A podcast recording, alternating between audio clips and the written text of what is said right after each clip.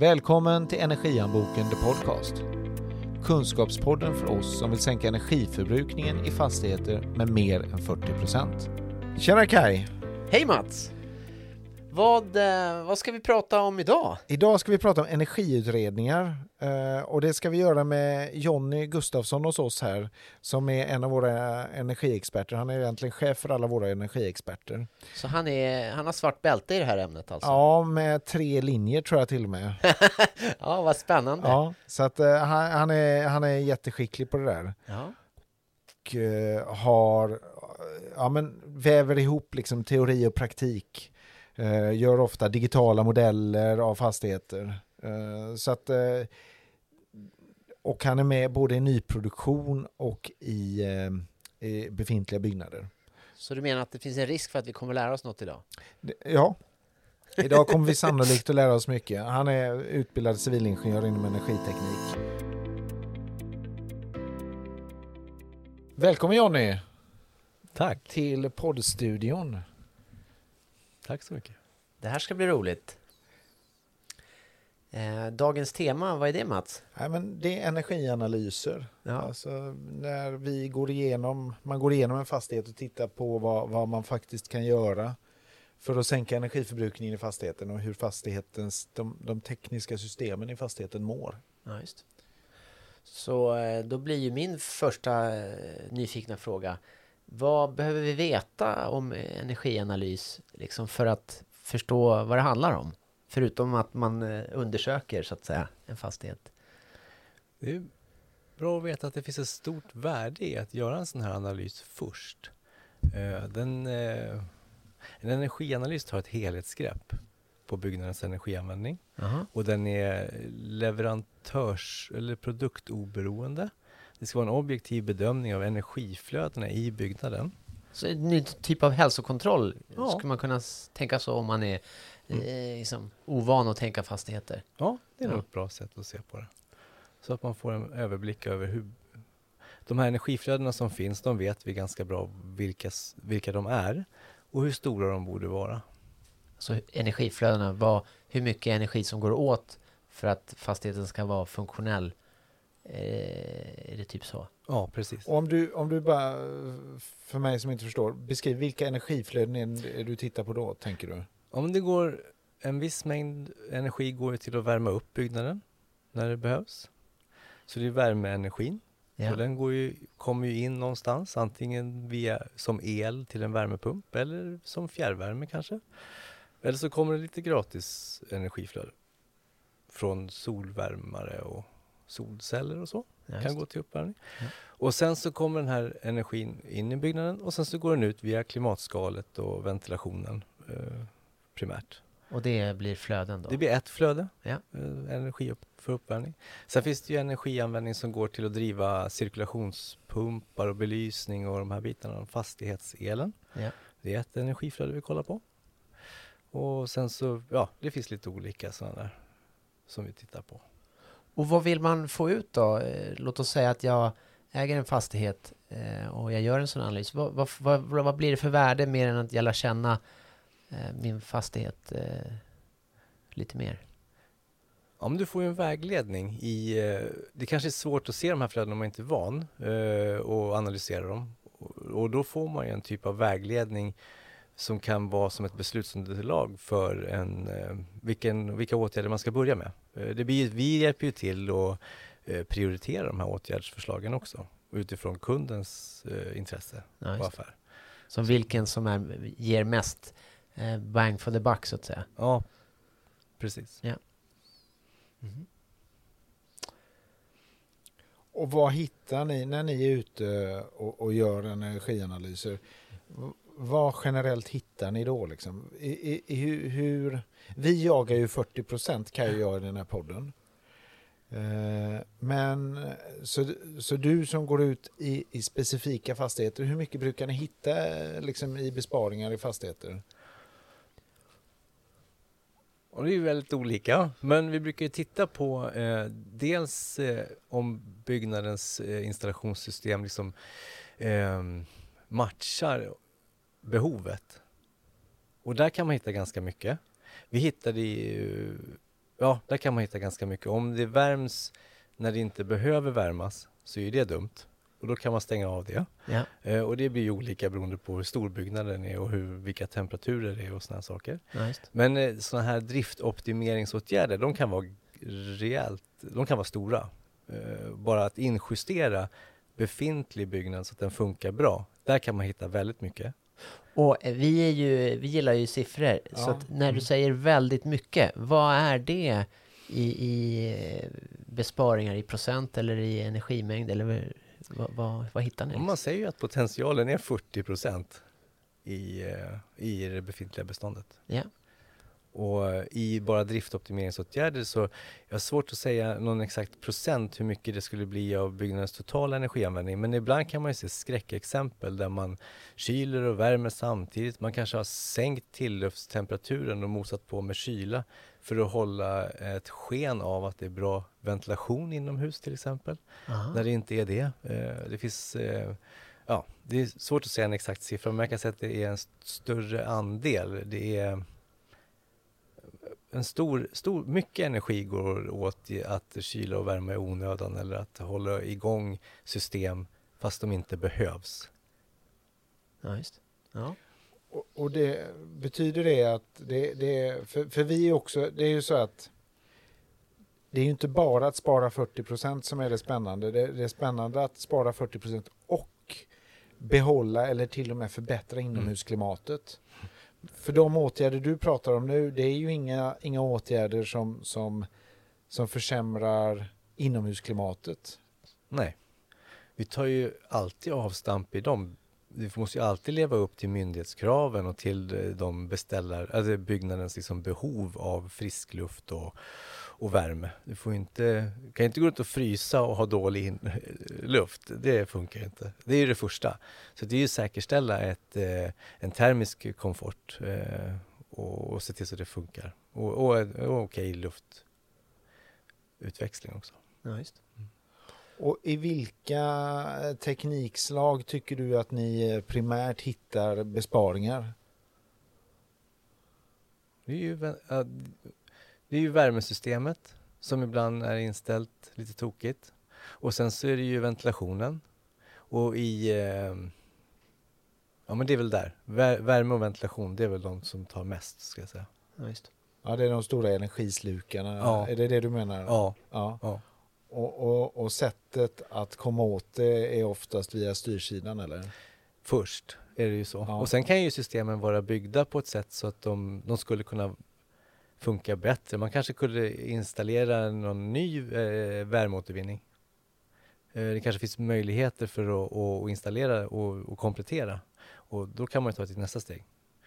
Och, och, och, och ytterligare eh, förbättra byggnader. Ja, just. Men, och hur ser det ut då i fastighetsbeståndet i Sverige?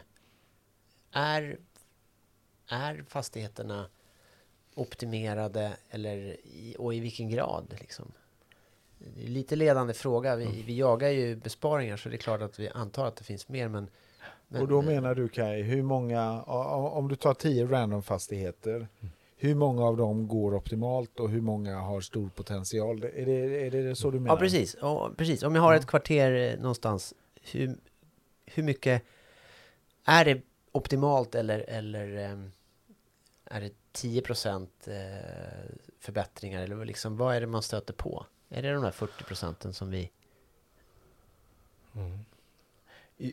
Och det är jättegenerellt. Ja, jättegenerellt ska jag säga att vi är dåliga på energi. Eh, alltså att det finns en stor potential. Man kan nog sänka eh, energianvändningen ganska mycket där ute. Alltså generellt är det inte eh, energi som har varit det primära, utan det har varit funktion liksom att få till man har bara höjt framledningstemperaturen tills det slutar klaga eller man, istället för att injustera värmesystemet eller se till så att det funkar optimalt så har man försökt tillgodose eh, hyresgästens behov kanske eller ja, eh, brukarens behov. Ja, just det. Eh, Och det- nu, det du nu säger kommer då- jag på hur man ska fråga det här. Det här är ju spännande.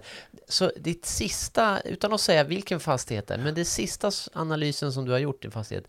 eh, Hur, hur blev det där så att säga? Eh, vad kom du fram till i analysen? Eh, besparingarna, de möjliga besparingarna Kommer du ihåg det? Sista analysen. Eh, Jag kan inte på rak arm så nu, men man kan ju säga att det var, hade ju med till exempel att man inte hade satt in luftridåvärmare utan man hade bara öppet rakt ut. Eh, portar som står öppet är ju inte helt ovanligt. Eh, att man, man håller en temperatur inomhus och sen så låter man det bara åka ut i de här stora hålen eh, i fasaden eh, under dagen. Ja, så det är ju en sån här sak som jag har sett då som är stor. Och hur ofta förekommer den då? Om, om, om ja men det tycker jag är mer än sällan. Uh, alltså det, det är väl ganska ofta. En på tio eller tre på tio eller? Ja, om man går till industrin så finns det nog ganska många sådana där. Uh, då är det nog ganska ofta. Ja. Mer, ja. Hur, hur, ofta hittar du de här? Det går ju att köpa billiga sådana här byggfläktar. Uh, och jag har varit med om flera gånger när man har kommit ut och så hade de haft något lager och så har man tyckt att det var lite kallt. Mm. Så har man gått och köpt en sån här byggfläkt för 350 spänn, för mm. de är inte dyra. Nej. Och pluggat in dem. Det är bara det att, eh, och sen står den och går. Ja. Och det blir varmt. Det är bara det att det kostar en 50-60 tusen att driva en sån här byggfläkt i, mm. i el. Och, det var, och då var det med de gamla elpriserna. Och det finns ganska många byggfläktar som står och dunkar runt om i landet. Det, det blir dyrt. Mm. Ja. Och, och, och, ger väldigt lite bidrag. Ja. Så, så det, för det vi pratar om det är att man, när du pratade innan, det är att man har gått åt symptomen och inte orsaken, rotorsaken till problemen, utan mm. man, man hanterar symptomen. Ja, det där är bra med energianalysen. Då kollar vi på hur är byggnadens energianvändning i relation till utomhustemperaturen. Och då kanske man har en fjärrvärmebyggnad eh, och så tittar man på hur elen reagerar eh, när det blir kallare ute och så stegrar den. Då, då behöver man förstå varför är det så och då kan det stå sådana här elfläktar till exempel som, som brassas på liksom, eller direktverkande el någonstans som man inte har. Så när man gör den här analysen då kan man nästan läsa i det dokumentet och anta att men mest troligt så är det byggfläktar fast man inte har, mm. inte har sett dem. Så Ja. Så kan man liksom spåra det baklänges nästan. Mm. Fast energianalysen går till så att vi åker ju också ut och gör platsbesök först. Ja. Egentligen börjar det med att vi begär, eller vi, vi, vi, frågar efter så mycket underlag som möjligt så att vi kan göra en första analys och göra oss en bild av byggnaden. Och sen åker vi ut och gör ett platsbesök och då går vi gärna runt med någon som känner till byggnadens historik och sådär. Och då ser vi så mycket vi hinner se på den halva dagen som vi är ute. Men det kan vara ganska stora fastigheter och man blir ganska snabbt desorienterad. Men vi tar bilder och så tar vi med oss hem. Och sen så utifrån de här två inputsen då så gör vi, oss en, gör vi en analys utav vart vi tror energin går någonstans. Ja, eh, och så ger vi ganska ofta så saknas det mätning så vi måste köra en sån här detektivresa och få liksom, jaha, hur mycket av den här elen gick till uppvärmning och hur mycket gick, av den här elen gick till Ja, ibland är det laddstolpar kanske eller det kan vara lite allt möjligt då, som den ska gå till och så försöker man göra en resa baklänges. Så den första åtgärden som vi brukar vilja föreslå det är ju att man sätter in flera energimätare så att det faktiskt går att utläsa om den här presterar bra eller dåligt. Och så, ja, så det, går, det är som att ta febern Ja. Så man vet eh, vad som gäller. Mm. Det låter som det killgissas en hel del Jättemycket. i fastigheter. Jättemycket. Ja. Och, ja, så är det. Mm. Och, och, när man när, när de där för jag tänker att många har en uppfattning om hur mycket som går dit och dit mm. och så när man och, killgissar lite, mm. hur, hur, ofta stämmer det och hur ofta är det ganska galet? Ja, det är omöjligt. Ja, det beror på. Nej, men det är svårt att um, det är nog ofta ganska galet skulle jag tro. Ja. För det är jättesvårt bara utifrån en märkplåt och en tänkt drifttid bestämma hur, hur det här och sen slår ju det från år till år och det finns ju massor med Nej men det, gäller, det, det är nog eh, att kolla hur byggnaden reagerar mot utomhustemperaturen. Senast var det ju faktiskt ett, ett, en byggnad som reagerade eh, åt andra hållet. Så när det blev varmt ute så ökade ju elbehovet ganska mycket då. Så det blev en omvänd effekt. Va? Ja, men då var ju, varför var det, det så då? Ja, det är en speciell byggnad och har ett eh, stort kylbehov. Då. Ja, just det. Ett extremt, eh, ett högt kylbehov. Då. Så det var också intressant, kan man ju läsa ut och då kan man ju säga så här, ja, solceller är nog en ganska bra idé för er. Mm, Precis, för det, de, de är ju bra att ha när det är soligt, när det Ja, är varmt oftast. ja. Så då är det ingen snö på dem. Nej, så har man ett eh, samtidigt kylbehov som man har ett elbehov, så, eller ett elbehov och en elproduktion då, blir det ju. Just. Matchar man solcellsanläggningen mot... Eh, mot Butiker som har öppet eh, på Mm. dagtid eh, Mm. med kylar och frysar. Mm, de är ju de är jättebra. Eller stora kyllager. Det finns ju liksom de som har stora, ja vad vet jag, allt från bananer till glass och grejer. Ja, just. Ja. De har ju också stora platta tak ofta. Men jag tänker också att en, en bergvärmepump i en sån anläggning är toppen. Beroende på, om du inte ska ha frystemperaturer. Då, men, Ja.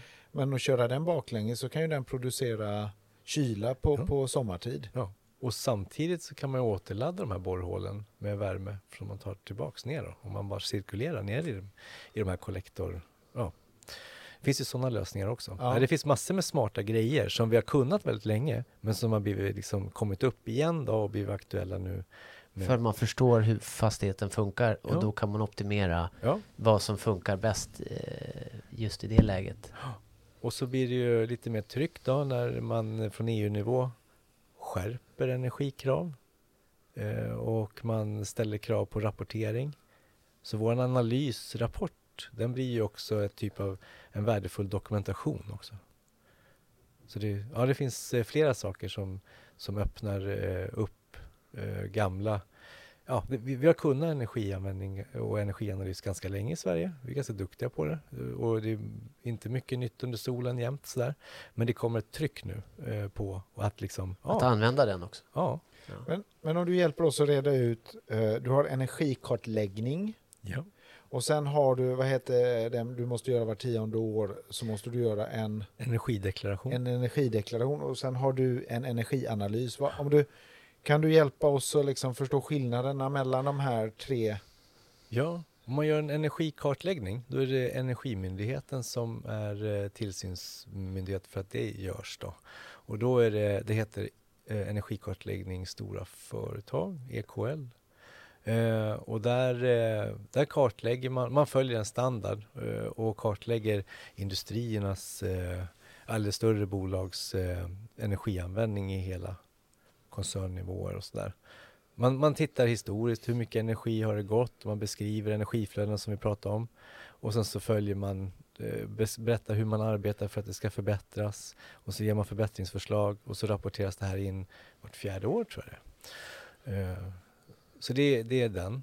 Och, och, och vilka, vilk, du, för då säger du större företag. Mm. Vet du liksom var gränsen går? Du ska ha en viss omsättning och ett visst antal anställda. Ja. Och jag tror att det här eh, hänger ihop med redovisningskraven eh, för årsrapporter, va? bokförings... Ja.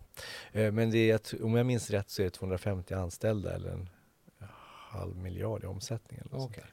Men det där kommer, ja, det är så som Energimyndigheten satte gränsen för stora företag tror jag. Ja. Mm. Så är det. Kan inte de på rak arm, men jag tror att det är där det ligger. Ja. Och sen har du den, eh, den här som man ofta ser, en, energi... eh, Och hjälp mig. Deklaration. Energideklarationen ja. Som Mm. gäller även villor och flerbostadshus. Du kan ofta Mm. se den anslagen i trappuppgången. Det är de här A... Mm. Det är samma som du köper en tvättmaskin. Ja, exakt. Så exakt. är det en så, så definieras fastigheten Mm. enligt dem. Och den kommer bli viktigare och viktigare. Eh, många eh, stödjer sig mot den när man vill prata om grön finansiering eller på annat sätt definiera vad som är grönt och, och byggnader. Så pratar man ofta om energianvändning. Energianvändning har ju en stor klimatpåverkan när det gäller byggnader. Då, och man kan titta där.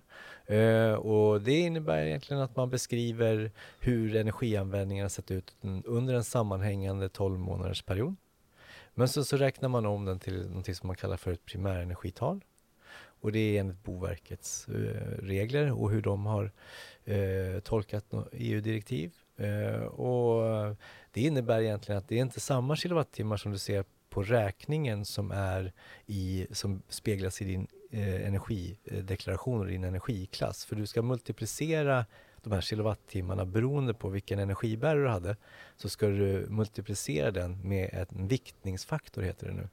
Eh, Så att eh, el eh, viktas med, och jag tror att det är 1,8 och fjärrvärme ska du multiplicera med 0,7 tror jag det är, eh, just nu. Men det kommer nog ändras också. Och sådär. Men det är okay. för att man ska uh, uppskatta en primär, ett primärenergital egentligen. Och är det också kopplat till om man har en värmepump?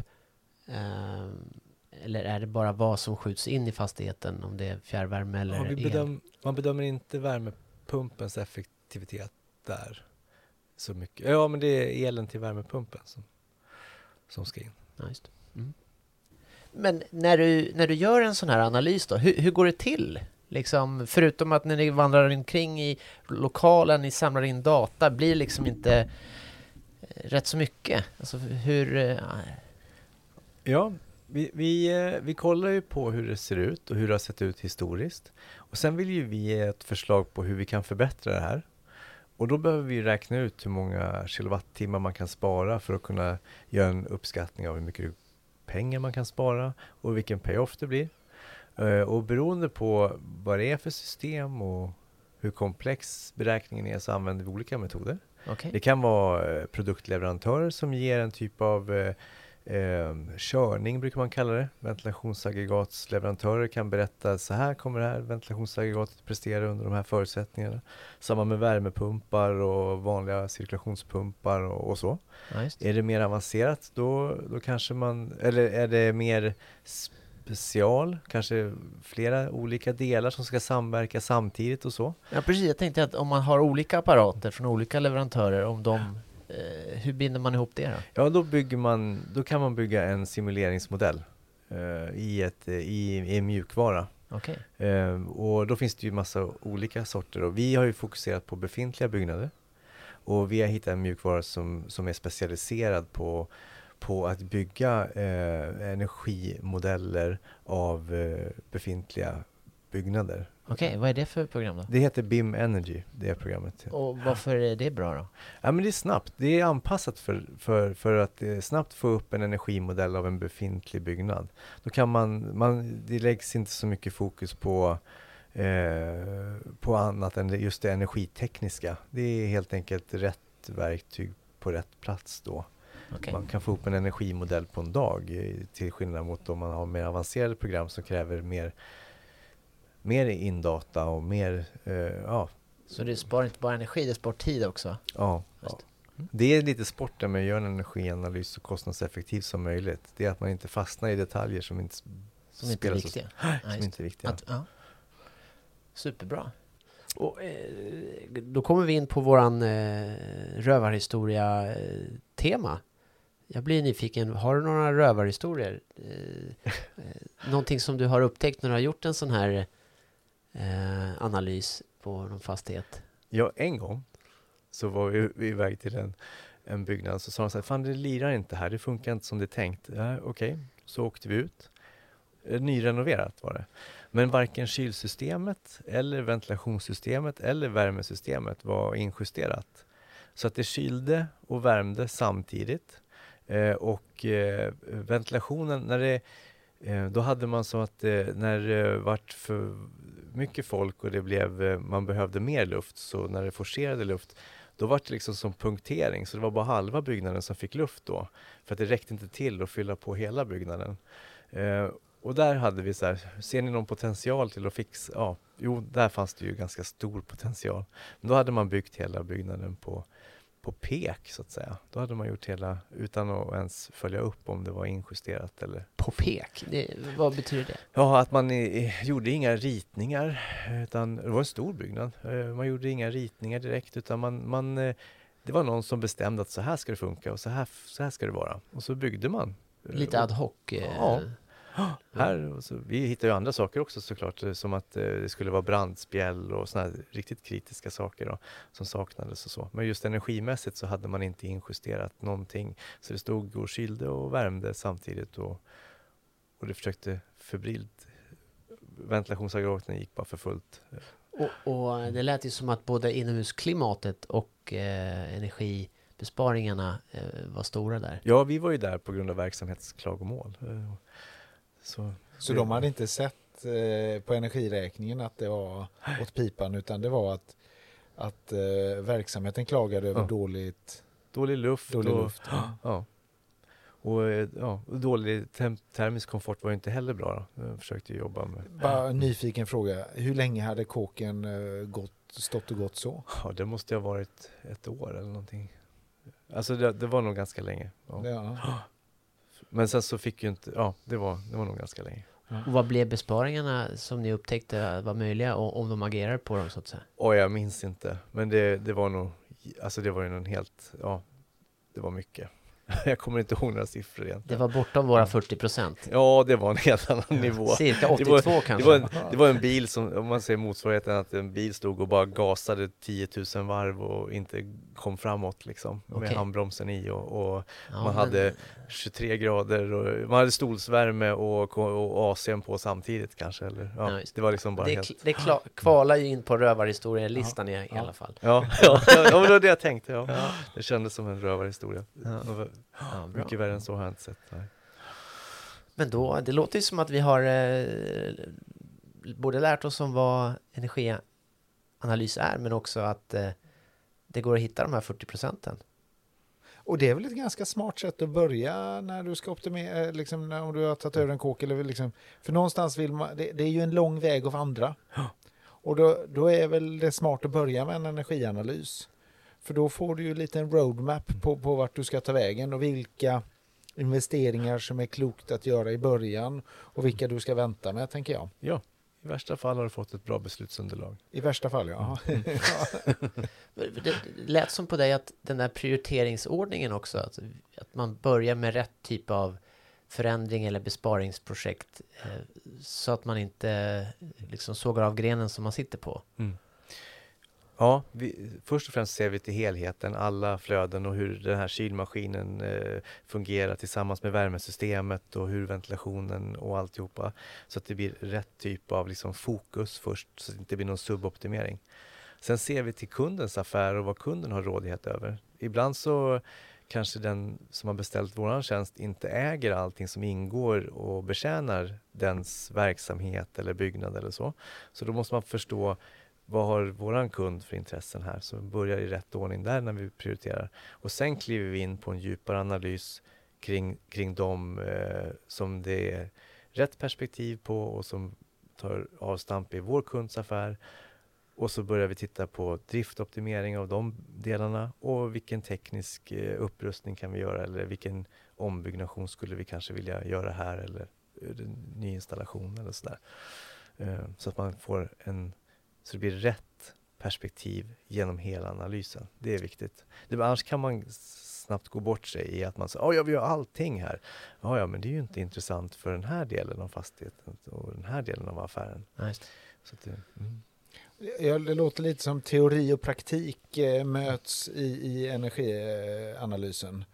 Alltså, du kan räkna på det teoretiskt, men, men vi, ni tittar också praktiskt på vad, hur det faktiskt funkar ute i, i, i kåken. Ja, jätteviktigt att det är förankrat i de förutsättningar som faktiskt är där på plats. Ja. Så att man inte kommer att föreslå någon värmeåtervinning från avloppet och så finns det inte underlag för att ens eh, räkna hem en sån eller det finns inte utrymme, det är för skrymmande eller ja, allting ska verklighetsförankras. Det är ju ett krav alltså. Det är det. superviktigt. Tack Jonny. Det här var Kul. spännande. Ja, spännande. Tack. Jaha, Kaj, lärde du dig något idag då? Ja, verkligen. Jag tyckte det här var jättespännande och det blir väldigt tydligt tycker jag att varje fastighet är unik. Att det går liksom, det går inte att säga att så här är det på alla fastigheter, utan man måste verkligen sätta sig in i vad är, hur funkar den här fastigheten och vad har den för förutsättningar, hur den används och liksom, det tycker jag att jag fick med mig som en, en fördjupad eh, förståelse. För annars är det lätt att tänka, men det är hus är ett hus Ja, ett liksom. hus är ett hus, ja. Ja. Ja, Och hur folk beter sig i huset har stor, har stor påverkan. Liksom. ja, vad ska man göra där? Precis. Mm. Eh, Vad är dina takeaways från samtalet med Jonny då? Ja, det, det var väl den här att det är en superbra start att kartlägga. För det är himla lätt att göra bra saker fast i fel ordning. Och nu vart det ju så tydligt att om man får den här kartläggningen, så eh, analysen, så då kan jag liksom se, men vad, vad ska jag börja med? Vad har liksom bäst effekt energimässigt, men vad har också eh, ekonomiskt makes sense? Eh, så, så, eh, så tycker jag. Och jag tycker det här med att han, han ser till helheten och tittar igenom både klimatskal och, och sen ner på de olika teknikområdena och blandar teori och praktik. För det, många konsulter kan ju vara teoretiskt skickliga men sakna den praktiska erfarenheten. Här jobbar ju Jonny med, med, med både praktiker och teoretiker. Det gör en stor skillnad i, i att man hittar också de här optimeringsdelarna. Ja, ja, det är ju först i verkligheten som man gör besparingarna. Ja, ja. Eh, mm. Och sen tyckte jag det var kul också det här med killgissningar. Jag tyckte du, eh, ditt, ditt begrepp där, vad var det? Facts eats eh, ja, killgissningar men, till för, breakfast. Ja, men, genom att mäta så fakta äter killgissningar till frukost och det killgissas en hel del. Ja, Eh, Och det tycker jag Jonny också gav exempel på. Att man, ja, man drar till lite, men, men, men genom att mäta så vet man. så vet man. Ja. Och, det, och det är rätt bra att göra. Mäta is king. Mäta, det blir väl ja. en takeaway. Ja, ja. Ja. Bra, men eh, tack, för, tack för idag då Kaj. Ja, tack. vi jagar vidare till våra 40 procent. Ja, det gör vi. Podden görs av oss på Indoor Energy. Våra kunder har de energieffektivaste fastigheterna för att vi är specialister på samverkan mellan kyla, värme, ventilation och styrreglerteknik. Läs mer om oss och våra 250 experter på indoor.se.